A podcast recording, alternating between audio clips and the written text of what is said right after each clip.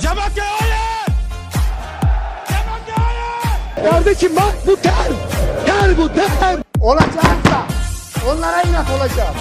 Gel kayadan ancak toz alır. Benim tozumu alabilirler. Başka bir şey alamazlar. Dünyanın liginin konuşulduğu Değil'in 25. bölümünden herkese selamlar. Ben Saygın, Melih abiyle beraberiz. Abi ne var ne yok? Eyvallah. Senden ne haber Saygın? İyi abi ligin tam ortasını geçtik. Hızlıca girelim istiyorsan. Ee, yani hiç bitmeyecek gibi duruyor lig. İnanılmaz uzun bir sezon. Ee, 20. maçlar bitti. Tam ortasına yeni geldik. Çok ekstrem Vallahi. bir sezon yaşıyoruz. Valla Aperture Closer'a yapılsa olurmuş yani bu açılış kapanış ligleri. Bence bir sezon bitti. Zihnimde bitirdim ben bir sezonu. Ya abi ligden düşenlerin durumuna göre e, siyasi bağlantılarına vesaire göre de sanki öyle bir şey düşünebilirler. 3 takım daha yukarı alıp ligi ikiye ayırıp daha sonra o iki ligi playoff'la birleştirip falan öyle bir şeyler yaparlarsa fena olmaz abi. Arjantin'de öyle bir şey olmuş değil mi? Böyle bir River mı düşüyordu?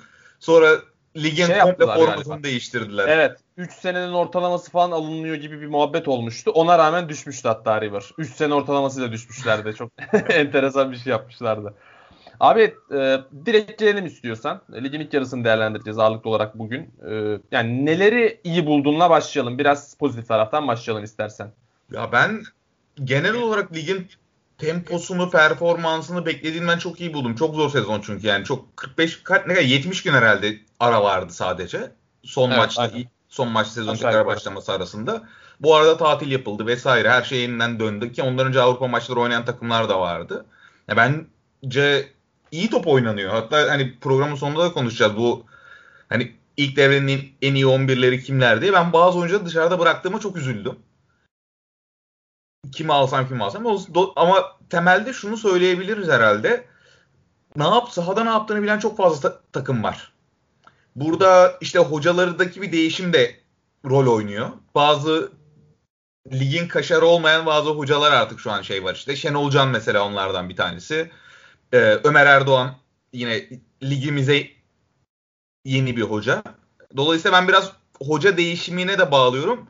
Bir de henüz daha falsosunu bulamadım. Belki de ben yanılıyorum ama Anadolu'da finansal yönetimi daha iyi olan, hiçbir şeyini bilemiyoruz tabii ki ama finansal yönetim daha iyi olan kul- kulüp sayısı arttı sanki. Sen ne diyorsun? Ya katılıyorum buna. Bir de e, aslında herkes e, hiç kimse iyi durumda değil şu anda ligde e, finansal olarak ama hani nispeten gününü çevirebilen, doğru oyuncuları bulabilen kulüplerin sayısı arttı gibi görünüyor. Yani biraz daha ondan sebep galiba. Mesela Hatay Spor'daki durum ne tam olarak kestiremiyoruz. Ama yani hissettiğimiz, gördüğümüz kadarıyla doğru oyuncuları bulmuş.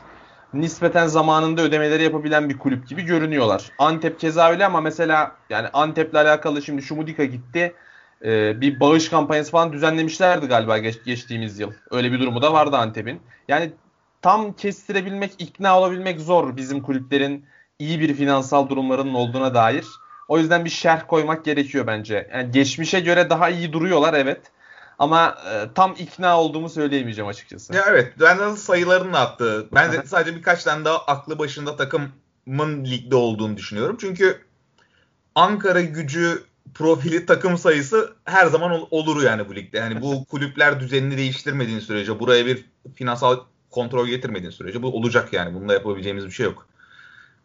Kesinlikle. Bu arada sana şu açıdan da katılıyorum. Aklı başındaki takım sayısının artması konusunda. Yani ben son dönemde düşme adaylarının bu kadar keskin olduğu bir sezon hatırlamıyorum. Genellikle 7-8 tane aday olurdu. Bunların 1-2 tanesi çok kesin aday olurdu. Üçüncü takımla alakalı sürprizler görebiliyorduk geçtiğimiz sezonlarda. Ama bu sezon çok net aşağıda bir beşli var. Bunların sadece bir tanesi kurtulabilecek.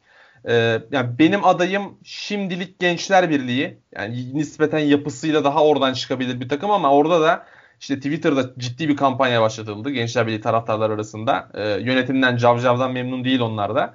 Ee, senin alt tarafa dair görüşlerin neler abi? Ya ben bu alt tarafı yani devre arası değerlendirmesi yapacağız derken bir geçmişe de döndüm. Bizim eski yayınlara bir baktım. Ne demişiz, ne olmuş. Biz düşme adayları kim, kimi belirlemişiz. Ben kendimi utandırayım. Hani Hatay Spor'u ben düşme adayı olarak görüyordum. Çünkü sezon başında hakikaten nasıl hücum edeceklerine dair hiçbir fikrim yoktu. Abi müthiş hücum ediyorlar. Müthiş top oynuyorlar. Yani hiç rakibe falan bakmadan top oynuyorlar şu an. Bir orada şey ama onun haricinde beklentilerimizin tam şeyi yani. Hani 17. 19. 20. ve 21. sen söylemişsin zaten şu an. Hiç beklenmedik bir durum yok zaten. Bunların 3 tanesi geçen sene küme düşmüştü. Evet aynen. Sonradan ligde tutuldu. Deniz Spor'da düşmüştü ama rakipleri izin vermemişti. Rakipleri tuttu. Aynen Tabii öyle. tabii. Hani ceset, on, rakiplerin cesetlerinin üzerinde yatıyordu Denizli Spor'da. Yani dolayısıyla şaş- orada şaşkınlık verici bir şey yok. Takımlara da baktığında dediğine çok katılıyorum. Beşli ayrılıyor gibi yani oyun kalitesi anlamında. Diğer mesela örnek veriyorum 16. sırada Konya Spor var. 15. sırada Başakşehir, 14. sırada Sivas var. Ve bu takımların o aşağıya gelmesine çok aklını almıyor değil mi? Bu üst Evet, taraftaki herhangi bir takımın son beşliğe katılmasını çok ben de bekle. En azından öyle bir ışık vermiyor hiçbiri. Ya belli olmaz tabii ki ama yüksek ihtimalle beşi arasında döneceksin dediğin gibi. Tabii ya Antalya, Rize, Kasımpaşa sıkıntılı görünüyorlar ama ya aşağıdaki beşli gerçekten çok kötü takımlar kurmuşlar. Çok kötü futbol oynuyorlar. Hemen hemen her maçlarında görebiliyoruz bunu zaten. Ee, pek yani çekilmez ekipler olmuşlar. Bir tanesi kurtulabilecek. Ona dair bir adayın var mı peki? Abi valla Gençler Birliği bir karıştı. Bakalım ne olacak? Hani orada da şunu söylemek lazım Gençler Birliği karışıklıkta. Gençler Birliği'nin toplam üye sayısını biliyor musun? Yok hiçbir fikrim yok. 1550. ya tamam Gençler Birliği'nin çok fazla taraftarı yok da gidin üye olun abi. Hani bu taraftar kulüplerdeki demokratik yapıya bir şekilde katılıp orayı daha demokratik bir hale dönüştürmediği sürece aklı başında taraftardan bahsediyorum. Hı hı. Yani Tü- Türkiye'de bu bir türlü oluşamadı. Ben şimdi örnek veriyorum. Fenerol kampanyası yapıldı. Galatasaray en son bir hesap numarası açıkladı ama çok da bir kampanya değil gibi o. Evet başarısız bir girişim gibi duruyor. Yok başarısız girişimde ben onu şey diye anlıyorum ya. Birileri bağış yapalım dedi. Bunlar da yayınladılar. Hani yapmak isteyen buraya yapsın. Şey çok hazırlıksız ama ya. Ee, Çok ama yok. biri çıkıp şey dedi mi biz bağış kampanyası yapıyoruz demedik. Ben kaçırdıysam düzelt beni. Yani Mustafa Cengiz Twitter'daki hashtag'i görüp e, trend topik olduğunu görüp ertesi gün bir açıklama yaptı. Akşam maç vardı. İşte Fatih Terim'in haberi yokmuş mesela. Ya da öyle bir oyun Ya işte o yüzden onu var. kampanyadan saymıyorum. Fenerbahçe'nin kampanyası, Beşiktaş'ın kampanyadan yüz binlerce insan katıldı. Evet. Aynen öyle. Paralar verdi. Bunların kaçı kongrüsüydü sence? Hiçbiri. Ben Evet. dahil. Ben ben çok pişmanım hala olamamış olmam. Hatta Beşiktaş'ın üyelik harcı bir 1200 TL'ye inmişti. Hı hı. Hani o ara olmadığımı o dönemki gelir seviyemden dolayı biraz da çekinmiştim. Ama keşke olsaymışım diyorum. Şimdi tekrar 5000 liraya yükselttiler. Ama hala düşünüyorum yani yakın zamanda olmak istiyorum. Üye. Yani taraftarların mutlaka süreçlere dahil olması lazım. Taraftarın aklına bile gelmiyor.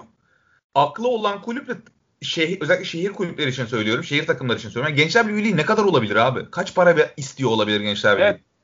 Yani daha kolay üyelik sistemi olabilir Gençler Birliği'nin. Kafada canlandırınca. Çok zor aynen olmasa gerek büyük ihtimalle süreç. Ama yani oradaki benim kurtulma adayım herhalde ben genç Kays yani şu anki puan durumu gibi. Kayseri'de gençler bir olacak gibi ama ben Yalçın Hoca'nın da Denizli'de bir şey yapabileceğini düşünüyorum. Biraz şanssız bir fikstürdeler. Hı hı.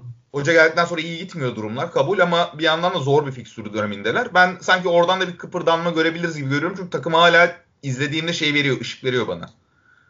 Yani bir plan var ama kalite biraz aşağıda kaldığı için işleri çok zor gibi görünüyor. Puan olarak da çok aşağıda kaldılar şu anda.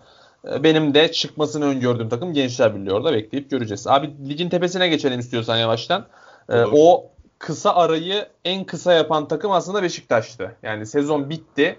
Yani bir ay sonra falan, e, bir, bir buçuk ay sonra Beşiktaş PAOK maçı oynadı. Süreyi karıştırıyor olabilirim belki ama antrenmanlara çok kısa bir süre sonra başlamıştı. Ama sezona da çok kötü bir giriş yaptıktan sonra e, hani burada da konuştuk. Hani ben de o konuda bir öz eleştiri vereyim. Ya Sergen Hoca buradan çıkamayacak herhalde şeklinde bir yorum mu olmuştu benim Ben de. de dedim. Ben Evet, de demişimdir yani yani. Özellikle Başakşehir. Fenerbahçe, Evet evet. Tam Alanya Ant- Spor üçgeni.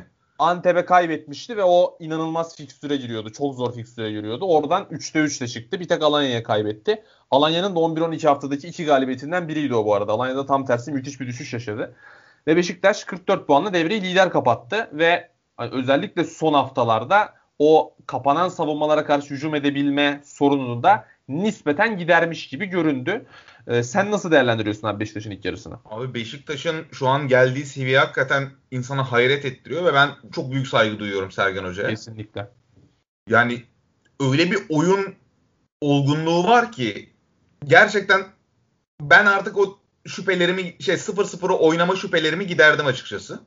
Özellikle Bence tamam. Göztepe bölüyorum kusura bakma özellikle Göztepe maçında yani 0-0'da e, 1-0'da evet Göztepe'ye kontratak fırsatları verdi 2-3 tane ama bence çok iyi oynadı Beşiktaş. Ya gel mesela maç maçın devre arasıydı. İki takımda dörder şutu vardı.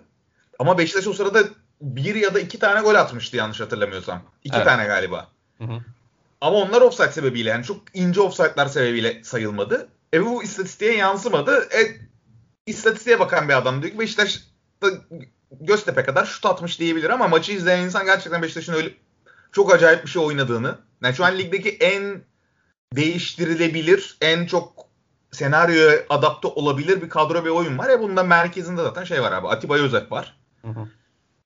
İkisi şu an takımı çok iyi çekip çeviriyorlar yani. Geri kalan herkes onlara göre pozisyon alıyor zaten. İkisi de bence müthiş sezonlar geçiriyorlar. Dolayısıyla Beşiktaş'ın her şey yolunda. Şimdi Beşiktaş fikstürün zor bir kısmında tabii. Hani işin o tarafı var. Bu arada gençler Göztepe maçı kolay olmadı ama yani uzun maratondaki zaten yarışın olayı bu. Böyle maçlar gelir. İyi oynarsınız, atamazsanız yersiniz üstüne. Bu çok olabilir bir senaryo. Yani 10 maçın 8'inde Beşiktaş ilk devrede sağ, şey kulübeye daha doğrusu yedek soyunma odasına önde girer. Hı hı. Ama bir ya bir iki maçta da bunların olacağı kabulü var zaten. Yani bu olasılık hesabı en nihayetinde. Ama Beşiktaş oradan da çok iyi çıktı. Ben Beşiktaş'ı şu an yani bir iki kritik oyuncusunun çok ciddi sorun yaşamazlarsa Beşiktaş şampiyonluğa aday olacak takım olarak görüyorum. Evet. Her şey çok Peki, yolunda, fazla yolunda. Ee, önündeki en büyük sıkıntı ne olabilir sence? Yani sağ içine dair hani bir oyuncunun eksikliğinden bahsediyorum. Ekstrem bir durum olursa o ayrı bir konu tabii ki ama hani bu yani şu olursa Beşiktaş'ın oyunundaki şu nokta, şu oyuncu, şu mevkideki derinlikteki sıkıntı şampiyonluk yarışında geriye düşürür diyebildiğim bir şey var mı Beşiktaş'ta? Ya şöyle şimdi Joseph de Atiba da çok istikrarlı oyuncular. Bir oradaki tempo düşüşü. Onların bir yerde Atiba'nın var çünkü özellikle bundan önceki 3-4 sezonda iki tanesine falan sezon sonunu getiremedi. Son 5-6 hafta mesela 16-17 sezonunda bile şampiyonlukta Beşiktaş o Tolga Oğuzhan oynamıştı son 6 Evet. maçı. Hani bir anda bitebiliyor performansı. Orada yerine gelecek adamlar var. Dorukan'ı ben en, hani hocanın en büyük adayı olarak gördüğünü düşünüyorum. Onlar onu kapatabilirlerse olabilir. İkincisi de Abu'nun muhtemel bir sakatlığı ki yani çok kendini sakınarak oynuyor zaten hala. Kendisi söylüyor %100'ünde olmadığını. Oradaki bir eksiklikte Sergen Hoca'nın zaten transfer isteği o yüzden forvet tarafına. Orada bir şey olursa güvene güvenmiyor belli ki. Yani ben güvenin hatta son bir hafta içerisinde ayrılabileceğini düşünüyorum. Abi bir de çok kısa Laiç'le alakalı fikrini de sorayım. E, maçı da çeviren golü attı aslında bir nevi 1-1'e getirdi maçı. E, Laiç'ten herhangi bir umudun var mı şu anda? Yani bir kıpırtı oldu mu içinde? Onu da sorayım daha sonra Fenerbahçe'ye Olmadı. Olmadı. Ya çünkü Beşiktaş'ın yani Laiç anların oyuncusu. Evet. Ya mesela maçtaki şeyin çok beğenmedim ama bu maç çok kriter değil. Eğer Laiç Atiba ve Joseph'in oyun liderliğini, her şeyini kabul edip kendisi kritik anlarda kritik iş çözecek işi yapacağım ben sadece. Oyun kur yani topun geri dağılımına vesaire çok karışmayacağım tipi yani Mensah kadar rol almayı kabul ederse bence iş görür. Yani bir 5 bir, bir beş gol 3 asist falan filan yarım devrede işi kotarabilir ama oyuna dahil olduğu zaman abi ayağına topu çok yapıştırıyor. Yani tüm prensip Beşiktaş'ın tüm prensiplerine aykırı bir şeye dönüştürüyor oyunu ki son maçta yaptı bunu ama Beşiktaş çok düşmüştü. O yüzden şey diyemem hani niye yaptı bunu niye yapmadı diyemem. Yani Beşiktaş çünkü Sergen Hoca söyledi çok yorulmuştu takım maç temposundan dolayı. Zaten 63'te 3'ten değişiklik yaptı bir anda ki bence güzel bir şok hamlesiydi. Ces- cesur bir hamleydi. Ben de o yüzden şey diyorum hani Laiç'e dair ufak bir umudum var. O da az önce söylediğim gibi topla çok irtibata geçmeden kritik yerde çekip vursun aynen bu şekilde. Çok da fazla şey oyuna karışmaması lazım. Bitirici rolünde bence Mensah'tan daha iyi olacağı garanti. Fenerbahçe'ye geçelim abi. Fenerbahçe e, transfer döneminin en hareketli takımıydı. Hala da öyle aslında. Hala oyuncu aramaya, nokta atışı e, kovalamaya devam ediyorlar. E, sezona da fena bir giriş yapmadılar. Oyun olarak olmasa da e, skorlar anlamında ilk 7 maç 17 puanla girmişlerdi yanlış hatırlamıyorsam. Ama daha sonra çok keskin bir düşüş yaşadılar. İşte 6 maçlık seride 4 mağlubiyet aldılar. Kadıköy'de üst üste 3 mağlubiyet aldılar. Ve Başakşehir maçında aslında Erol Bulut kalacak mı gidecek mi? Medyada konuşulan şey buna döndü biraz. Ama oradan o Başakşehir galibiyetiyle beraber tekrar yukarı kaldırdılar uçağın ucunu ve e, devre sonunda Beşiktaş'ın 2 puan arkasında giriyorlar. Mesut takviyesi yapıldı. E, dünkü maçta e, Kayseri maçında yeni stoperleri Atilla Şalay'ın e, epey beğenildiğini okudum. E, ben izleyemedim maçı ama e, yani Fenerbahçe'nin ilk yarısını genel olarak nasıl değerlendirirsin? Abi Fenerbahçe'nin ilk yarısı biraz kaos dolu. Hani çok değiş şey değişti. Yani sezon başı çıktığı 11'e bakıyorum. Sonra devre ortasında çıktığı 11'e bakıyorum. Sonra sona bakıyorum. Hani Beş, Fenerbahçe'nin ne oynadığı ile ilgili yani arıyor Fenerbahçe. Çünkü Hı. devre arası birlikte 20 tane transfer yaptı bu takıma Fenerbahçe. Burada ama işte birkaç şeyi buldu. Buldu derken birkaç doğruyu buldu. Buldu derken de şimdi Mesut geldi. Kartlar yeniden dağıtılır. Durumu var. Abi Ee, çünkü Pelkas acayip bir seviyede top oynuyor galiba. Abi biz hatırlıyorsun Pelkas'ı diyorduk zaten. Pelkas'ı 10 numaraya koyması Evet. lazım Fenerbahçe'nin ki o kaleye yakın tarafta topu az dokunarak, topu az dürterek hızlı hareket, hızlı düşünüp hızlı hareket eden oyuncunun olması gerekiyordu merkezde. Ozan'la başladı. Sonra başka oyuncular denendi. Ee, en son şimdi Pelkas artık o tam oraya yerleşir dedi. Şimdi oraya Mesut gelecek. Ha bence çok iyi olabilir. Pelkas'tan %70'inden sol kanatta yine faydalanabiliyorsun sonuçta. E, skorerliği de var Pelkas'ın. Sağ tarafa da eğer Osayi diyorlarsa ya da Ener Valencia ikisinden biri maçına göre tercih olursa benim bu arada tercihim şey olur. Oyuncu kartlarına baktığımızda Ener Valencia olur. Çünkü skorer. Daha en nihayetinde yani golcü sezonları var bu adamın ve gol pozisyonuna girmesini biliyor. Osayi'nin çok öyle bir meziyeti olduğunu duymadım. En azından okumadım. Dolayısıyla bence Fenerbahçe'nin elinde şu an oyun var. Ha, bu Katılıyorum. hatta fazlalık var bir miktarda. Onları nasıl kullanacakları kritik. Bir de yani Ozansızlıkta bir şey senaryo üretmeleri lazım. Ozan çok fazla açığı kapatıyor ki Mesut gelince o açıkları daha da fazla kapatacak. Özellikle Mesut'u taşıma rolünde en kritik oyuncu olacak. Ee, yani Fenerbahçe için bence her şey çok yolunda. Bence birçok şeyi de buldular ama e, yani her an yeniden kartları dağıtabiliyorlar anladın mı? Şey diyemiyorum. Aa buldular bu sefer diyemiyorum. Şimdi ama bana kalırsa özellikle forvet arkasındaki işte Pelkas, Mesut ve sağ kanatta bir koşucu oyuncu ve kanat forvet dediğimiz oyuncu ve ileride Samatta ile bence çok iyi bir hücum hattı yakaladılar ki ben şamp hani şampiyonluk yarışında iki numaraya da yani nasıl söyleyeyim sıralayamıyorum ama Beşiktaş Fenerbahçe'nin Galatasaray'ın böyle yarım tık falan önünde olduğunu düşünüyorum. Kesinlikle katılıyorum. Bir de yani Kayseri maçının özetini izleyebildim ben sadece. Çok detaylı yorumunu yapamayacağım açıkçası ama yani hareket eden oyuncu sayısında ciddi bir artış var Fenerbahçe'de. Yani topu alan beklemiyor. Sürekli bir hareketlenme var ki bu oyuncu profillerinden de kaynaklı. O dediğin gibi sezon başında bir oyuncu tercihi vardı. Sezonun ortasında bir oyuncu tercihi vardı. Sonunda bir tercih vardı. Aslında ilk bölümdeki tercihlerle son bölümdeki tercihler çok örtüşüyor birbiriyle. İşte Tiam, e, Samatta ve Valencia oynuyordu ağırlıklı olarak. Yine buna döndü Fenerbahçe. Tiam'ı önde kullandılar. Samatta girdi çıktı. Valencia tekrar takıma dahil oldu ve o iki periyotta da e, ilk yarının başında da sonunda da Fenerbahçe'nin puan ortalamasının çok yükseldiğini görüyoruz. Arada o e, biraz daha e, topu ayağına isteyen oyuncuların arttığı dönemde de çok ciddi bir krize girmişlerdi.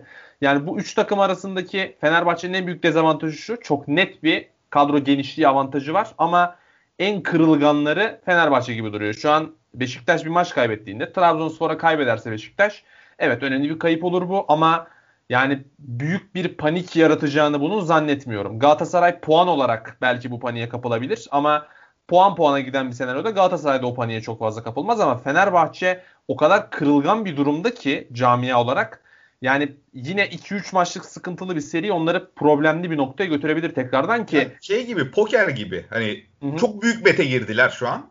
Evet. Çok büyük oyuna girdiler ve bu onları hem biraz telaşlı hale getirebilir. Ben hani çok fazla böyle şey olacağını düşünüyorum sezon içerisinde. Gerilimlerin artacağını düşünüyorum. Çünkü çok büyük yatırım yaptılar şu an. Şampiyonluk ve 7 yıldır şampiyon olamadıkları için o baskı onları sürekli agresif olmaya itiyor. Hani buna yapabilecek bir şey yok. Fenerbahçe devam etti yatırımına. Hani devre arasında bir sakinleşelim de demedi. Ve Beşiktaş şampiyon olmasa dünyanın sonu değil Beşiktaş için. Bu bir yerde avantajdır. Galatasaray hak eder. Galatasaray şampiyon olması dünyanın sonu değil Galatasaray için. Galatasaray en Aynen. son 2 sene önce şampiyon oldu zaten. Beşiktaş'ınki de herhalde 4 sene önce falan. Aynen. E, görece. Görece daha rahatlar. Beşiktaş'ın zaten finansal olarak da şeyi var. Hani çabalıyorlar. Yani cost indirmek onlar için de önemli bir faktör. Evet, yani dolayısıyla Fenerbahçe'nin öyle bir derdi var bence. Ama bir yandan da çok iyi kadroları var abi. Yani çok seçenekleri var. Yani umarım bir an önce karar verip onunla bir o kararda ısrar ederler ama bence ben mesela şeye katılmıyorum. Mesela Ener Valencia Tiam'ın birlikte oynamalarının bir faydası getir fayda getireceğine inanmıyorum. Çünkü Kayseri biraz yanıltıcı abi. Kayseri yani Dan Petrescu Türkiye'de ne olduğunu anlayana kadar işte 7 golleri zaten. Çok açık alan verdiler. Açık alan evet. verirsen o tip oyuncuda etkili olur ama ya otobüsçülere bu kadro çalışmaz gibi geliyor bana. O zaman da işte Pelkas Özil ve bir kanat forvet ee, ve bir santrfor düzeni daha çok işe yarar gibi geliyor bana. Peki abi Beşiktaş'ta sorduğum soruyu Fenerbahçe için de sorayım. Ee, önlerini tıkayabileceğini düşündüğün şey nedir saha içinde? Var mı böyle bir şey? Yani saha Sa- dışındaki gerilimin dışında olarak abi, sorayım bunu. Saha içinde hakikaten yok. Hı hı. Saha içinde benim Fenerbahçe ile ilgili hiç hani birisi gider birisi kadro öyle bir kadro ki bir de şey yok sahada. Bence yani şunu söyleyebiliriz en fazla. Ozan'ın yokluğunu ne kadar tolere edebilecekler? Ozan'a bir şey olması durumunda. Çünkü Mert Hakan onu yapamıyor. Bence Tolga Ciğerci en çok yapabilecek oyuncu onu bu arada. Veya. Mert Hakan hani onun getirdiği enerjiyi getirebilecek alan parselizasyonunu getirebilecek çok geniş bir alanı çünkü şey yapıyor. Etki altına alıyor. Onu yapacak iki tane oyuncusu var. Yani hiç yok değil ama ben Ozan'ın rolünün çok kritik olduğunu düşünüyorum. Ama asıl sorunlarının da saha dışı olduğunu işte çok büyük bete girdiklerini o yüzden de el, biraz stresli olacakları da bir gerçek. Evet yani yeni gelen çocuğa bile hemen e, konuşsak ne olacak yayınlamıyorsunuz dedirttiler yani yayıncı kuruluşa. ya bunlara çok gerek yok cidden. E, bir noktada o gerginlikten besleniyorlar evet ama ciddi şekilde zarar da verebilir açıkçası. Çok erken abi çok erken. Bunu son 8 hafta yaparsan 8 hafta herkes onu kaldırır ama daha 20 hafta var abi. Evet evet. Ve sezon başından beri yapıyor Fenerbahçe bunu. Aynen. Buna dayanabilmek çok kolay değil cidden. Galatasaray'a geçelim abi. Galatasaray'da e, çok iyi bir futbolla girdi aslında sezona ve e, ciddi bir aday olarak göründü. İşte Başakşehir deplasmanındaki galibiyet, Avrupa kupalarında iki turun geçilmesi e, ve hani Fenerbahçe ile Beşiktaş'ın o kadar da iyi futbolla girememiş olması vesaire hepsi alt alta yazılınca Galatasaray için sanki işler yolunda başladı gibi oldu ama daha sonra e, işte geçen sezonki krize girdi aslında Galatasaray. O hücumdaki alternatifsizlik ve tek düze oyun, tek bir planın olması, bir B planı yaratamama hali Galatasaray'ı ciddi bir krize soktu. Ee, ilk yarının ortalarında tekrardan e, fiksürün de yardımıyla ciddi bir yükselişe geçtiler. E, lig liderliğini aldılar bir noktada ama e, ilk yarının sonuna doğru yeni bir krize girildi. Pek çok e, eksik vardı tabii ki. Sakatların cezaların etkisiyle de Galatasaray biraz geriye gitti ve şu anda e, Beşiktaş'ın 5, Fenerbahçe'nin 3 puan arkasında girdiler e, devreye. Tam olarak devre değil tabii ki ama ligin yarısı böyle bitmiş oldu. Galatasaray'ın ilk yarısını nasıl değerlendirirsin abi? Abi Galatasaray'ın çok iyi bir oyunu var bence. Ben Galatasaray'ın oyunu beğeniyorum. Taylan müthiş bir sıçrama gerçekleştirdi bu sezonda yani. Şu an üst kalite orta saha olarak oynuyor ki takımın bence olmazsa olmaz diyebileceğimiz bir oyuncusu mu diye düşünüyorum. Ya hiç alternatifi yok Taylan'ın. Yani o hani olsa bile diyorum yani. Hani sahada bir tane alternatif şu an Taylan'ın performansını gösterebilecek orta saha bulmak bayağı zor. Hı hı, kesinlikle. Abi müthiş, müthiş bir oyuncuya dönüştü.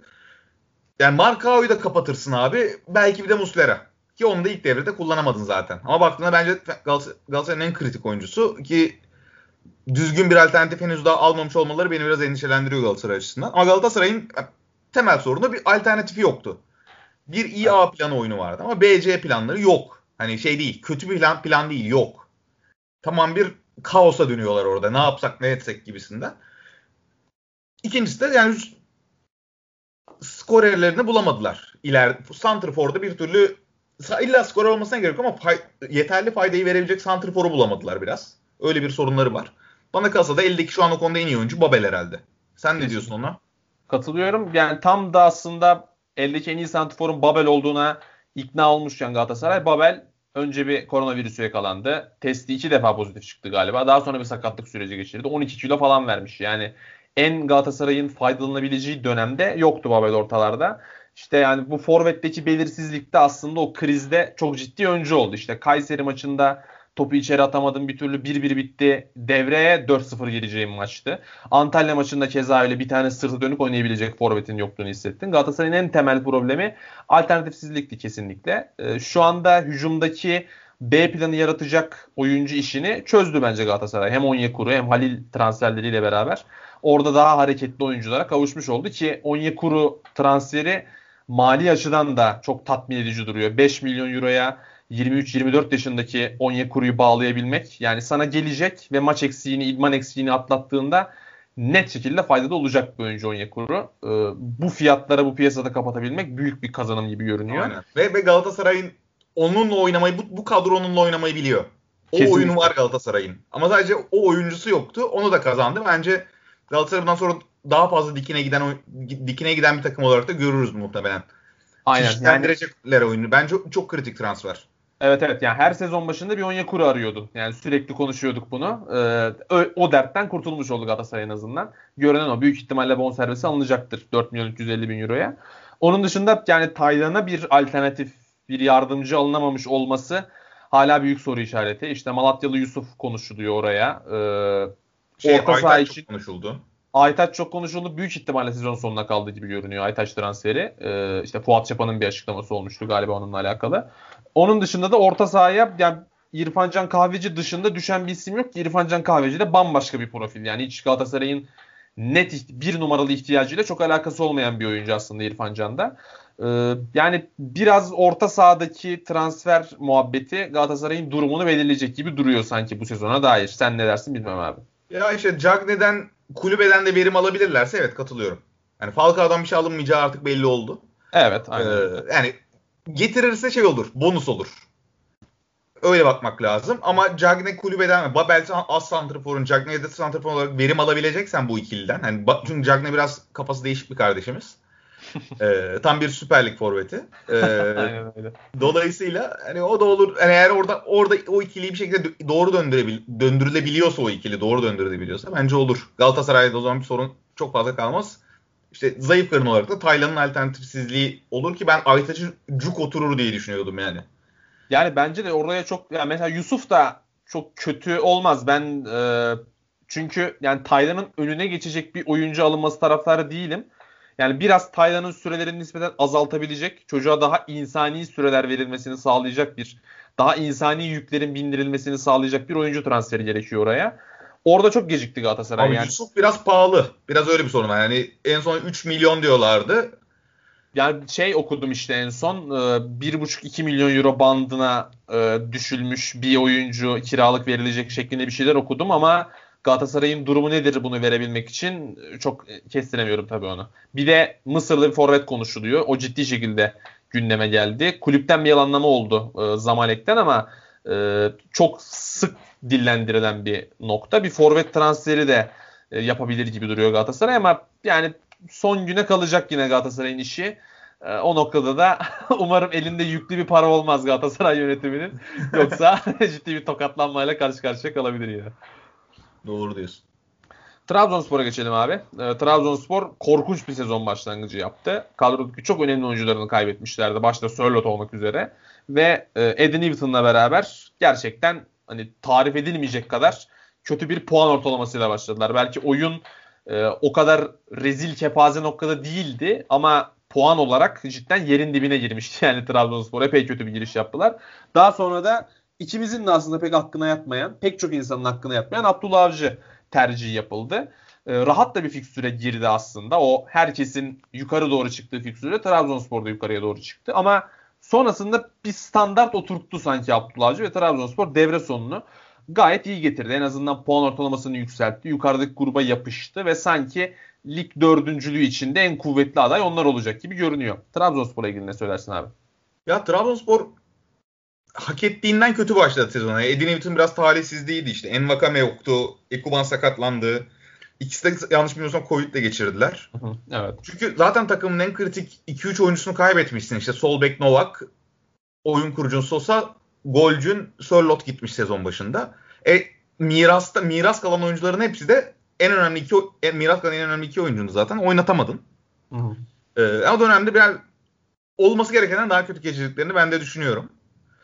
Ondan sonraki süreçte de Abdullah Avcı biraz tribünsüzlüğün de avantajını kullanmadı dersem yalan olur. Çünkü oynattığı oyun hiçbir şey bağ yani izlemesi keyifli bir oyun oynatmadı sonuç olarak geldiğinden itibaren. Evet. Ama şu an fark ne dersen Ekuban'la Envakame bir rol buldular ve oynamaya başladılar.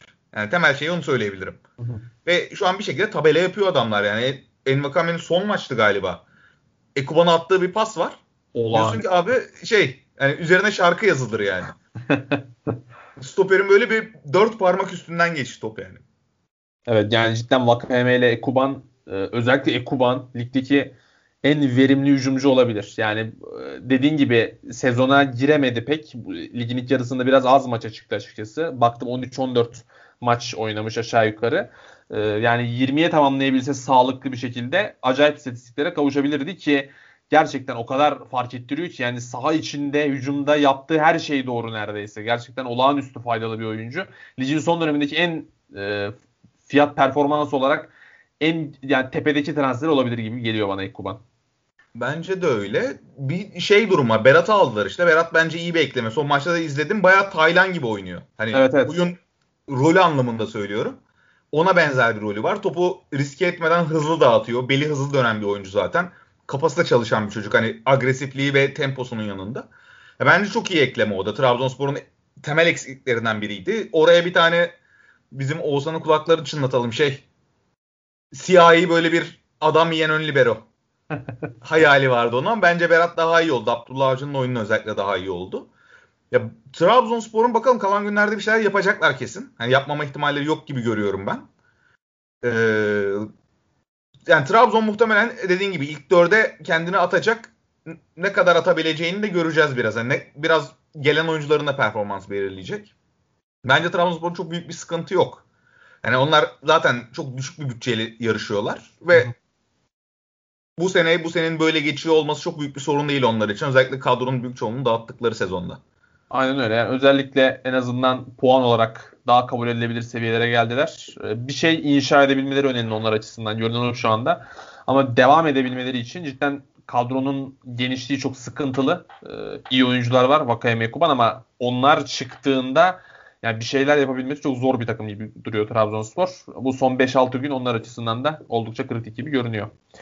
Abi e, yani ligin altını konuştuk, üstünü konuştuk. E, yani bir de hani ligdeki bizim ligdeki sürekli konuşulan şeylerin başında yaş ortalaması geliyor aslında. Yani yaşlı bir lig, temposuz bir lig. E, ve bu yüzden de zaten Avrupa kupalarında bunun sıkıntılarını e, pek çok kez gördük ki bu sezon artık zirveye çıktı. Şu anda herhangi bir takımımız yok ve şampiyon takımımızın Şampiyonlar Ligi'ne direkt gitme durumunda ortadan kalktı. Hani bu sezonda şampiyonluğunda muhtemelen gidilecek ama ondan sonraki sezon artık Ya onun da Şamp- garantisi yok da hani muhtemelen büyük gidecek. ihtimalle. Özellikle Yani- Şampiyonlar Ligi şampiyonunun tabii. Kendi Yani- liginde de o hakkı kazanacağını düşünürsek. Evet yani Ama mantıksal olarak olmama ihtimali de var.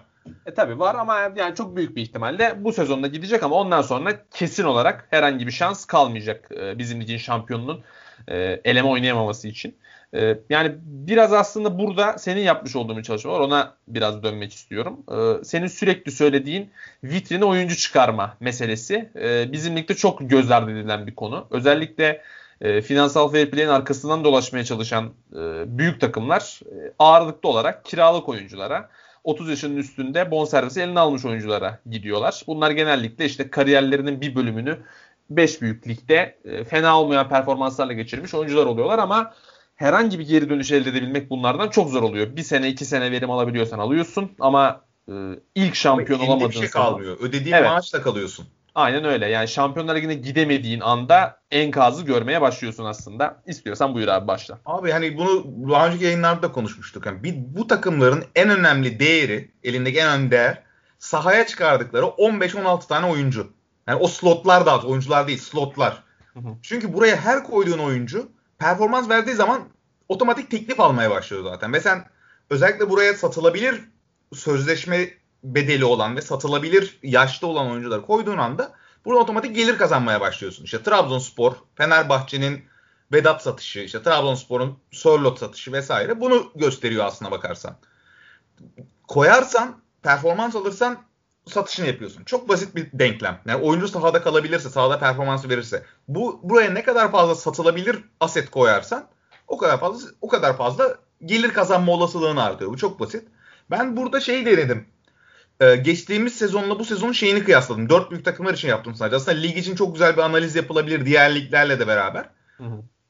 Avrupa'nın diğer bize benzer işte bu 6-15 arası diyeyim sana. Diğer liglerin de dikkat alıp çok bu bayağı emekle yapılması gereken bir şey. Ben sadece 4 büyük takım için yaptım. Mesela yani bu bize şeyi gösterir. Bu takımlar ne kadar bu slotlarını yani bu değerlerini ne kadar paraya dönüştürülebilecek yatırım yapıyorlar.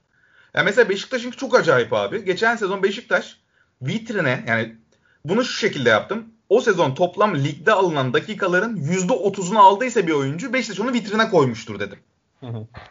Ve bu oyuncu satılabilir bir oyuncu mu? Geçen sene Beşiktaş'ın kaç tane oyuncusu var tahmin edersin abi vitrine çıkan? Gerçekten Yani- sata- satabileceğini düşündüğü ve ben bunu burada vitrin oyuncusuna şöyle belirledim. Abi çok basit bir kriter koydum. Hani karmaşıklaştırmadım. 30 yaş altı oyuncu. Yani 30'u saymadım. 29 ve 6. Yani direkt Rıdvanlı Ersin geliyor aklıma sadece. Başka da Oynamamışlar abi. Lazım. 920 dakika oynaması gerekiyor bir oyuncunun. %30'u vitrine çıkması olmamış için. mı? Olmamış abi ikisi de. 900 dakika oynamamış ikisi de. Beşiktaş'ta sadece 3 tane oyuncusu var abi. Vitrine çıkardığı. Enkudu, Laiç, Boyd. Geçen sezon boyunca 900 dakikadan fazla süre verdiği ligde. Avrupa'yı saymıyorum çünkü Avrupa'ya sayarsam hesap çok karışıyor takımlar takımlar kıyasında. O yüzden sadece ligi koydum. Ligde 920 dakikadan daha fazla süre verdiği 30 yaş altında 3 tane oyuncusu var abi. Enkudu, Laiç, Boyd. Fenerbahçe beni çok şaşırttı mesela burada. Fenerbahçe'nin 10 tane var abi. Ama bunların da birçoğunun 28-29 olduğunu ve bu sezon ayrılırken de çok para kazandırmadıklarını söylemem lazım. Ama analizi yapman için bir takım kriterler koyman lazım. Ben de koydum ve bunlar çıktı. Evet ben de- örnek veriyorum. Deniz Türüç de var bu analizi. Dolayısıyla 19-20 sezonda Fenerbahçe'de 900 dakikadan fazla süre alan ve satılabilir bir aset. Satamadın. Olabilir abi. Oyuncu performans verdiğinde de önemli değil. Mesele sen ne kadar e, şey yapıyorsun buna. Ne kadar yatırım yapıyorsun bu işe. Galat Fenerbahçe'de 16 oyuncuyu vitrine koymuş. Bunların 10 tanesi 30 yaşın altında. Bu sezon abi Fenerbahçe'de 18 oyuncu kullanmış Fenerbahçe toplamda 540 dakika yani yine oynanan maçların %30'undan fazla süre alan. Bu sene de 18 oyuncu kullanmış ve onun 11 tanesi 30 yaşın altında. Bence çok güzel oranlar.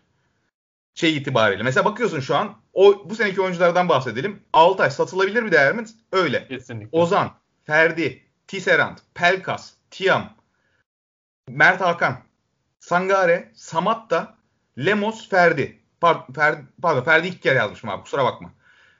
Bu oyuncuların hepsi satılabilir değer değil mi? Hı hı. Aynen öyle. oy- oynayıp performans verirse satabileceğin oyuncular. Satarsın satmazsın ayrı bir konu ama değer üretiyorsun buradan. Beşiktaş'ın bu sezon kaç abi mesela oradan örnek vereyim. 6 abi sadece. Beşiktaş'ın çok genç bir kadrosu olduğu böyle kafada bir algı var ama 4'ü kiralık bunların. Evet. Beşiktaş'ın sadece 6 tane oyuncusu var abi. Ersin, Abubakar, Larin, Rıdvan, Dorukan, Enkudu. Dorukan sözleşmesi bitiyor ama uzatabileceğini düşündüğümden onu çıkarmadım şeyden. Yani sözleşmesi bitenleri ayırmadım süreçte. Hı. Galatasaray'da geçen sezon bu sayı 6'ymış. Yani 6 tane slotunu sadece 6 oyuncuya sadece yatırım yapmış satabileceği. Bu sezon 11 abi. Galatasaray değişim bence çok güzel. Hı hı. Kesinlikle. Trabzonspor geçen sezon 10 oyuncuymuş. Bu sezonda 10 tane oyuncusu var. 30 yaş altında maçların %30'unda süre verdiği. Toplam sürenin %30'unda süre verdiği. Böyle bir analiz var abi. Bu şu demek. Beşiktaş için işler iyi gitmiyor abi.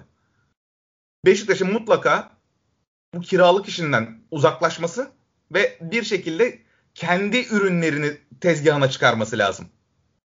Galatasaray'da bu iş fena değil. Fenerbahçe'de de Trabzon'da bence fena değil ama Beşiktaş'ın bu konuda geride kaldığını söylemek lazım. Hani ve sportif direktör diye futbol direktörü dediğin adamın da işi bu zaten abi. Yani bunların hesabını yapan adam ve yönetimi bu konuda doğru yönlendiren adam futbol direktörü oluyor. Teknik direktörün işi değil bunlar. Teknik direktör Sergen'e bıraksan işte bugün Fulk'u bugün Manzukic'i kovalıyorsun. Aynen. Anladın mı? Çünkü o adam ya Sergen çok haklı. Diyor ki 3 maç kazanamazsan beni göndereceksiniz biliyorum ben diyor. Yalan diyebiliyor muyuz? Beşiktaş, Başakşehir ve Fenerbahçe maçlarını kaybetseydi bugün Sergen Yalçın olmayabilirdi. Büyük Biz, ihtimalle. evet. bugün, bi- bi- biz bugünkü oyunu izleyemiyor olacaktık. Yine sil başlarına dönecekti konu. Dolayısıyla, dolayısıyla bu hesabın kitabın yapılması gerekiyor abi. Hani mesela Den, e, Zeki Önder Özen'in e, şey açıklaması vardı işte 8-8-8 diye Beşiktaş'ta bir düzenden bahsediyor. İşte 8 tane uluslararası oyuncu, 8 tane milli ve uluslararası çıkma potansiyel oyuncu, 8 tane genç oyuncudan bahsediyordu. Bir kadronun bu şekilde bir düzende oluşmasından bahsediyordu. Bu da onun başka bir metodolojisi benim şu an yapmaya çalıştığım şeyde. Peki abi mali yapı bunu ne noktaya götürüyor sence? Yani bir takımın e, çünkü aslında bu noktaya getiren şey mali yapı. E, yani Beşiktaş'ı bu noktaya götüren şey aslında çok fazla kiralık oyuncu, günlük çözüm üretme sıkıntıda olduğu için. Ama Galatasaray'ı bu noktaya getiren şey de paranın olmaması. Yani Taylan oynatmak durumunda kaldı orada gibi bir şeye dönüyor aslında. Yani sence buradaki mali yapıları kulüplerin nasıl bir rol oynuyor? Yani Abi, bu kararı bu- nasıl alabilecekler sence? Abi buradaki temel konuda abi borsa gibi bu ya. Hisse senedi alıyor. Galatasaray gitti Cagne hissesi aldı tamam mı? 13 milyonu ba- bastı oraya ve hisse çakıldı abi. Şu an Beşiktaş Galatasaray o parayı kurtarması lazım ki o parayı gidip başka bir yere yatırsın. Başka bir hisse yükselmesi planlanan. Ama sen elindeki tüm paranı tek bir hisseye yatırır mısın abi borsa oynarken? Yatırmazsın. Evet. Onu risklerini bölersin. 3-4 hisseye yatırırsın. Paran pa- bu, bu da paranla alakalı bir konu. Ne kadar param var? Beşiktaş şu an elinde Beşiktaş'a geçen sezon 15 milyon euro para harcadı. 19-20'nin başında. Laiç'e harcadı, Boyda harcadı, Enkudu'ya harcadı. Üçüne de süre vermiş. Üçü de sıçtı. Şimdi bunlar sıçınca Beşiktaş bu sene bonservis harcayamaz duruma geldi. Çünkü niye sen tüm paranı yine batık hisselere yatırdın? Şu an o batık hisseyi bir şekilde kurtaralım da oradan gelen parayı döndürelim başka hisselere yatıralım diyorsun. Buradaki temel konu da bu. Yani maddi durumda bir sorun yok bana kalsa. Çünkü her takım 3 yılda bir, 4 yılda bir. Fenerbahçe mesela örnek veriyorum. Bu geçen sene 20 milyon kazandı değil mi? Evet. E, 20 milyonu kime yatırdı abi? Mesut'un maaşına yatırdı. Ben onlar olmasın demiyorum. Ama Fenerbahçe'nin elinde şu an zaten yeteri kadar aset var baktığında. 11 tane oyuncuya maçların %30'unda süre vermiş. Satılabilir oyuncu bunların hepsi. Dolayısıyla Fenerbahçe'nin elinde hala aset var. Bu arada hani şeyi söylemiyorum tabii. ben. Samatta'ya 6 milyon seneye verecekler. 6 mı 6,5 mu? Altı Ama var. sonuç olarak Fenerbahçe'nin oyuncusu olduğu için onu da dahil ediyorum hesaba. Evet. Ama Fenerbahçe'nin elinde şu an satılabilir bir şey var. Oyuncu grubu var. Para kazanılabilir bir oyuncu grubu. Ozan'ı seneye 20'ye satarsın. Onu gidip 5'e bölersin. Ya da 2'ye bölersin. 10 milyonluk iki tane oyuncuya dönüştürürsün. Maaş bu işin ikinci hesabı. Mesele burada bonservis bedellerindeki o fonu döndürebilmek. Abi Porto'ya baktım. Porto'nun 16 ya da 17 tane oyuncu kullanmış. Maç yani toplam sürenin %30'unda. Abi 12 tanesi şey 30 yaşın altında. Yani satılabilir, doğrudan satılabilir oyuncu. Bunların bazıları da 10 çünkü ellerinde para var abi. Fon döndürebildikleri için her sene 50 satıp 50 alıyorlar. Kulüp bürüş her sene 50 satıp 50 alıyor. Ama 50'yi 3 oyuncuda satarken yerine 8 tane alıyor abi. O da ancak elindeki şeyi bölüyor, riski bölüyor. Galatasaray bu sene başına şeyi alabilirdi mesela. Şu an İrfan diyorlar abi. Mantıksız bu, bakış açısıyla. Sen yine tüm paranı tek bir sepete yatırıyorsun. Aynen. İrfan sıçarsa bitecek ama sezon başındaki oyuncu kimdi abi? Bu Ömerlikten istiyor diyorlar. Ee, şey mi diyorsun? Ee, Polonyalı çocuğu mu? Siyah yok siyahi orta saha bir tane. 2 Evet, milyon euro alam- alamadı Tamam. Galatasaray. Şey, Brighton aldı kiraladı onu İsmail Kolibali. Ha İsmail Kolibali. Fenerbahçe Galatasaray'ın ona yatırımı yapmış olması lazımdı çoktan. Hı hı. 2 milyon euro çünkü çok büyük paralar değil. Bu 2-3 2-3 bunları doğru ska- doğru scouting yani abi bak doğru scouting'e bile gerek yok. 24 25'te bir oyuncu al. Mesela örnek veriyorum. Beşiktaş satın almadı ama Rozier doğru bir yatırım. Git transfer yapmış olamamış anladın mı? Bir yer tıkanmış bir yerde. Onu alıp oradan kurtarmak. O da mantıklı bir bakış açısı. İlla hiç keşfedilmemiş oyuncu bulun da denmez. E, Lemos mesela denenmiş üst düzey potansiyel göstermiş ama olmamış. Denenebilir abi. Her maçta ne kadar? 1,5 milyon euro verdi onun bonservisine. Evet. 1,5 2 bir şey verdi. Pelkas abi çok iyi yatırım. 1,5 verdin. Hop getirdin. Şimdi çok uçtu gidiyor çocuk yani. Ben çok üzgünüm Beşiktaş'ta olmadığına. E, Macar stoperde de aslında benzer bir hikaye var. 22-23 yaşında Macaristan milli takımı stoperi 1,5 milyon euroya aldın. Yani Doğru bu oyuncudan zarar edebilme ihtimalin yok yani. Ama tabii ki bunu şeyle dengeleyeceksin. Hani tecrübeli ve doğrudan fayda verecek oyuncular. Mesela Mesut okey. Hani ben başka şeyle ben o kadar paraları çıkılmaması gerektiği için itiraz ediyorum Mesut'a. Ama temelde işte Beşiktaş'ta Atiba, Joseph onlar da olacak abi. Türkiye Süper Lig'de kaşar topçusuz olmaz. Tabii tabii. Yani onun farkındayım durumun. Mesela Trabzonspor Hugo'yu getirdi abi. Müthiş. Nasıl çıkıyor? Yanına koyuyorsun abi şeyi. Edgar, Ye- Edgar Ye'yi. Can, canavar gibi çocuk top oynuyor. Ben bana kalırsa. Olsam beni gömecek ama. ama işte bu sefer ne oluyor? Edgar'a değer kazandırmış oluyorsun abi otomatik. Yani dolayısıyla ki- kilit tecrübeli oyuncuları parçaları koyup etrafına mümkün mertebe satılabilir aset yerleştirmen lazım. Aynen öyle. Abi eline sağlık. Müthiş bir çalışma olmuş cidden. Ee, yani ufukta açıcı aslında kulüplerin ne yapması Ben gerektiğine bunu yavaş dair. yavaş geliştireceğim. Böyle 6-15 arası liglerde Yani gidip Hollanda'yı araştıracak değilim abi. Hollanda ile biz aynı şeyde değiliz. Ee, aynı sınıfta değiliz. Evet. O liglerin büyük takımlarıyla Süper Lig'in büyük takımları. Ama Portekiz bence Rusya bizim şeyimiz. Ukrayna bizim şey takımlarımız. Bizim Hı seviye liglerimiz anladın mı şu an itibariyle? İskoçya bile sayabilirsin hatta yani günümüzde. İskoçya'nın da yükselişiyle birlikte. Bu liglerle böyle ben bunu bir kıyaslamalı bir devam edeceğim gibi görünüyor. Çok zor bir çalışma değil çünkü aşırı da zor bir çalışma değil. E, emek alan. Bu, yani şu an ben bu konuştuğum şeyleri bir saatte falan hazırladım. Bunun ta- hem Süper Lig'de takibine devam edeceğim. Belki Süper Lig'i genişletmeyi düşünebilirim. Hani 18 21 takımlı daha doğrusu pardon. Ağız alışkanlığı.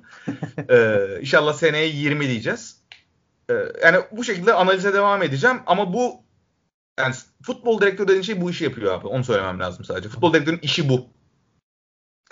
Aynen öyle. Abi e, ya ilk yarıyı konuştuk ağırlıklı olarak. E, istersen ilk yarının bize göre en iyi 11'lerini yaparak da yayını yavaştan kapatalım. E, yani istiyorsan ben direkt sayayım. Zaten süreyi de epey açtık bugün. E, çok da vakit kaybetmeden burayı geçmiş olalım. Ben kaleye Altay'ı koydum. E, yani açıkçası ilk yarıdaki yani Marafona da çok iyi bir ilk yarı geçirdi. Uğurcan çok iyi bir ilk yarı geçirdi ama yani Altay'ın özellikle Fenerbahçe adına e, tutmuş olduğu Fenerbahçe'nin galibiyetinde önemli pay sahibi olduğu 2-3 maç onu buraya koymamda etkili oldu. Geri dörtlüyü Rozier, Vitor Hugo, Marcao, Rıdvan şeklinde yaptım. Ee, ya burada stoperler konusunda nettim açıkçası. Hugo ile Marcao ikisi de bence çok iyi bir ilk yarı geçirdi. Bekler konusunda biraz kararsız kalıp aslında Rıdvan'la Rozier'i koydum. Ee, Rozier bence çok iyi bir giriş yaptı ama özellikle son birkaç hafta çok atılmaya yakın maçlar oynamaya başladı. Ee, yani yakın bir zamanda Fenerbahçe Beşiktaş'la alakalı bir yangın çıkarmaya başladığı zaman Rozier'in kendisine dikkat etmesi de fayda olacak gibi görünüyor. Sol beke de yani Rıdvan çok net şekilde Beşiktaş'ın birinci sol beki olmalı. Evet bazen En Sakala'yı daha az olarak kullanmaya başladı e, Sergen Yalçın. En Sakala'yla başlamış sezonu ama Rıdvan formayı aldı gibi görünüyor şu anda. Yani 20 yaşında çocuk. Hani çıksın o oynasın. Çok dinlenmesine dinlendirmeye gerek yok. Bu çocukları sahaya atıp oynamalarını beklemek gerekiyor. Ya bence. ben orada orada şey söyleyeceğim. Yani Rıdvan'ın geçmişinde bir çapraz bağ koparmışlığı var. Hı hı. Ben o yüzden biraz da hani hoca neyi düşünüyor bilmiyorum ama ben biraz da iyi olduğunu düşünüyorum. Çünkü bir mental olarak çok yorulabilir. Yani bu Hı. tempoyu hiç ilk defa yaşıyor. Ben o yüzden çok itiraz etmiyorum bu sezonki sürelerinden. Hani seneye de böyle olursa belki itiraz ederim ama bu sene ben razıyım bu rotasyon durumundan. Evet yani sezon başı bence sıkıntılıydı. Çünkü birinci sol bek Ensakala gibi nerede Ensakala gibiydi neredeyse ama özellikle e, devam ettikçe ligin ilk yarısı Rıdvan'ın formayı alması ve Abi- Ensakala'nın nadiren o çift maç haftalarında vesaire oynuyor olması daha dengeli, daha kabul edilebilir bir Ya hedef oldu. maçlarda Rıdvan'ı gördüğüm için içim rahat öyle söyleyeyim. Hı hı. Hani Aynen. Aynen öyle. Orta sahada yani burada çok düşünmedim. Ee, bence ligin ilk yarısının en iyi orta saha oyuncuları. Farklı mevkilerde, farklı şekillerde.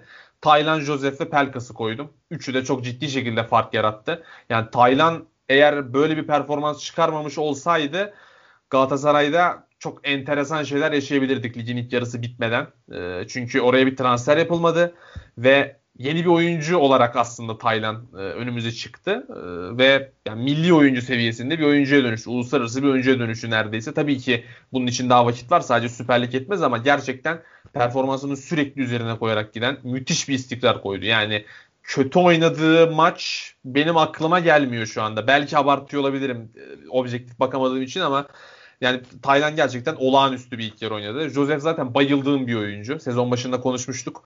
Galatasaray almış olsaydı belki Taylan bu sıçramayı yapamayacaktı ama Joseph Galatasaray'ın e, deplasmanda sıkıntı yaşadığı pek çok maçı tutabilirdi mesela. O açıdan ete boyu almaktansa Joseph almayı tercih ederdim. Mevkisindeki ligin en iyi oyuncusu bence Joseph. E, Pelkas'ı da zaten konuşmuştuk. Yani Fenerbahçe'de fark yaratan oyuncu. 10 numaraya geçtiğinde işleri değiştirecek oyuncu şeklinde. O da ilk yarının sonuna doğru olağanüstü bir çıkış yakaladı cidden Fenerbahçe'nin. Abi merkez merkez o çocuğun Aynen yeri orası. Ben Fenerbahçe'nin ihtiyacı orası. Şimdi Mesut geldikten sonra evet kanada attırılması çok itirazım oldu Mesut performans verdiği sürece. Çünkü abi Mesut da onu yaptı oradaki o hızlı düşünme, hızlı hareket işlerini çok rahat yapabilecek bir oyuncu. Evet. Pelkas da çizgide bence merkezde Mesut varken iş, iş çözecek oyuncu. E, ileri üçlüye de abi Abu Bakar, Ekuban ve Bupenza'yı koydum. E, Ekuban'ı zaten e, kaydın içinde de söylemiştim. E, Bayıldığım bir oyuncu. Yani keşke bundanım olsa dediğim oyunculardan biriydi Ekuban. E, Abu Bakar yani sakat dediler E, ki evet yani bir sıkıntı olduğu belli saha içinde. Çok aman aman rahat hareket ettiğini söylemek güç ama başka bir oyuncuya evrilmiş gibi görünüyor. Yani ve saha içinde e, çok rahat yapıyor bazı şeyleri. Yani bizim ligin seviyesine de dair de bir şeyler anlatıyor aslında bu ama cidden çok iyi bir ilk yarı geçirdi. Bu Abi Penza'yı fenomen, ben- ona şey diyorum ya. Fenomen Ronaldo'nun dönüşümü. Aynısı ya. Aynı sorunlar, Aynen. aynı dönüşüm yani. Kesinlikle ve çok ciddi şekilde problem çözdü Beşiktaş'ta. Bu Penza'yı da e, yani ilk Göztepe deplasmanında izlemiştim. Hatay 1-0 kazanmıştı. O zamana kadar golü yoktu bu Penza'nın. Ve 4-5 tane kontratakta acayip kötü tercihler yaptı. Acayip kötü şutlar attı. Ve içimden şey dedim ulan hani bunu getireceğinize bir Türk çocuk oynasaydı, daha genç bir çocuk oynasaydı şeklinde. Yaşına dair falan da fikrim yoktu. Ama daha sonra bir atmaya başladı. Abi İnanılmaz bir inanılmaz bir devre sonu geçirdi. Bu Penza'yı da buraya yazmamak olmazdı diye düşünüyorum açıkçası. Senin 11'ini de alayım abi. Ya ben 11'i saymayayım. Senden farklı düşündüğüm ya Tamam. da şeyleri söyleyeyim. Bir kalede Marafona'yı tercih ettim ben. Biraz birkaç tane hatalı golü var düşüş döneminde. Ama hem ayağıyla oyun kurulma desteği hem de kaleciliğiyle de yani çok fazla fark yarattı. Bence özellikle ligin ilk başında. Hani bizim şu Alliance Spor tüm puanları tıkır tıkır topluyor dediğimiz o kadroyu kurup erkenden işi götürüyor dediğimiz dönemde çok fazla iş gördü. O sırada zaten sen de andın adını. Bir onu söyledim. Stoper'de ben Hugo'yu dışarıda bırakmış çok üzülmüştüm. Yani o da olsa olur dolayısıyla. Ama kol kırdanmadan edemedim abi. Çünkü Evet, çok önde savunma yapıyorlar. Zavellas hatta çok fazla su kaynatıyor abi. Yani bu biraz hani İtalyan işi biraz Yunan işi biraz yani Akdeniz kültüründe gelen o pislik işleri de çok fazla yapmaya başladı. Geçen kırmızı kart gördü maçın son dakikalarında. Herhalde geçen hafta içi maçıydı herhalde. Olabilir. Ee, orada bir kırmızı kartı vardı. Sol bekte abi Rıdvan'a çok katılıyorum. Özellikle yap, sap- şey oyuncuları ee, nasıl söyleyeyim. Çok iyi kanat oyuncularına karşı çok iyi durdu abi. Visca'sından şeyine, Babakar'ına hani çok farklı profilde oyuncuların karşısında çok fazla durdu ve hiçbir şekilde açık vermedi. O yüzden onu şey yapıyorum ama Me- Melinyak'ı da söylemeden olmaz abi. Yani golü asisti yok adamın ama Rize Spor'un yani Morozcuk'la ikisi Rize Spor'un hakikaten şeyi oyunları oyunu yöneten oyuncuları sahada. Çok büyük katkıları var abi. Futbol yani oynanan oyuna. Rize Spor çok iyi bir ilk devre geçirmedi ama sahadaki etkilerini çok net görebiliyorsun abi Melniak'la şeyin Morozcuk'un. Yani Melniak'ta o yüzden ekledim ama Rıdvan'a da okeyim. Maxim'i anmadan olmaz abi orta sahada. Tabii. Ee, çok iyi 11 gol falan attı galiba yarım Evet, yarım evet. sezonda. Aşağı yukarı. Hakikaten skorerlik anları çözme konusunda çok iyi oyuncu Beşiktaş'ta falan adı geçti. 30 yaşında da. Bence çok iyi oyuncu. Ben Beşiktaş'ı istemem o ayrı mesele de. Ee, bence çok iyi oyuncu. Anadolu takımı için lüks bir oyuncu. Onu anlamak lazım. Son olarak da abi Davidson. Sezonun ilk bölümünde gol krallığını oynuyordu. İkincide biraz düştü ama abi pinball topu gibi adam ya. Ben bayılıyorum abi öyle topçulara. Seke seke gidiyor böyle. Gidiyor stopere vuruyor. Oradan beke çarpıyor. Topu bir şekilde önüne alıyor alıyor gidiyor. Dolayısıyla Davidson ben benim bir kadromda da şey yerine özellikle ee, sen sö- sen bir oyun bir oyuncudan tek ileri hattaki oyuncuların kimlerdi? Ekuban, bu Penza, Ha, Abubakar. Ekuba'nın biraz süresi az olması sebebiyle Evet. Ekuba'nın yerine de şeyi düşünmüştüm ben. Davidson'u düşünmüştüm. Özellikle ligin ilk yarısındaki performansıyla. Evet, çok itiraz etmem açıkçası ben de yani. E, Mesela şeyde e, Kolkır aslında benim de aklımdaki oyunculardan biriydi. Marafona'yı zaten söylemiştim. Yani aşağı yukarı zaten benzer 3 aşağı 5 yukarı. E, abi ağzına sağlık. Epey de açtık aslında pek e, bizim formatın biraz dışına çıkmış olduk. Epey süreyi taşırmış olduk ama devre sonu değerlendirmesi olur artık bu kadar. Önümüzdeki hafta normal sürelere döneriz yine. Ee, önümüzdeki hafta görüşmek üzere. Ee, herhangi bir devre arası olmadığından Süper Lig devam ediyor. Bizim açımızdan da gayet iyi oluyor. Çift maç haftası geliyor. Galatasaray da acayip bir çift maç haftasına giriyor bu arada. Ee, yani Antep, Başakşehir, Fenerbahçe fikstürü var. Oradan oradan çıkabilirse Galatasaray rüzgarı arkasından alabilir gibi görünüyor. Kötü denk gelmiş. Evet çok kötü denk geldi. Transfer de yetişmedi gibi. Ee, bakalım ne olacak. Ağzına sağlık abi. Haftaya görüşmek üzere. Hoşçakalın. Hoşçakalın.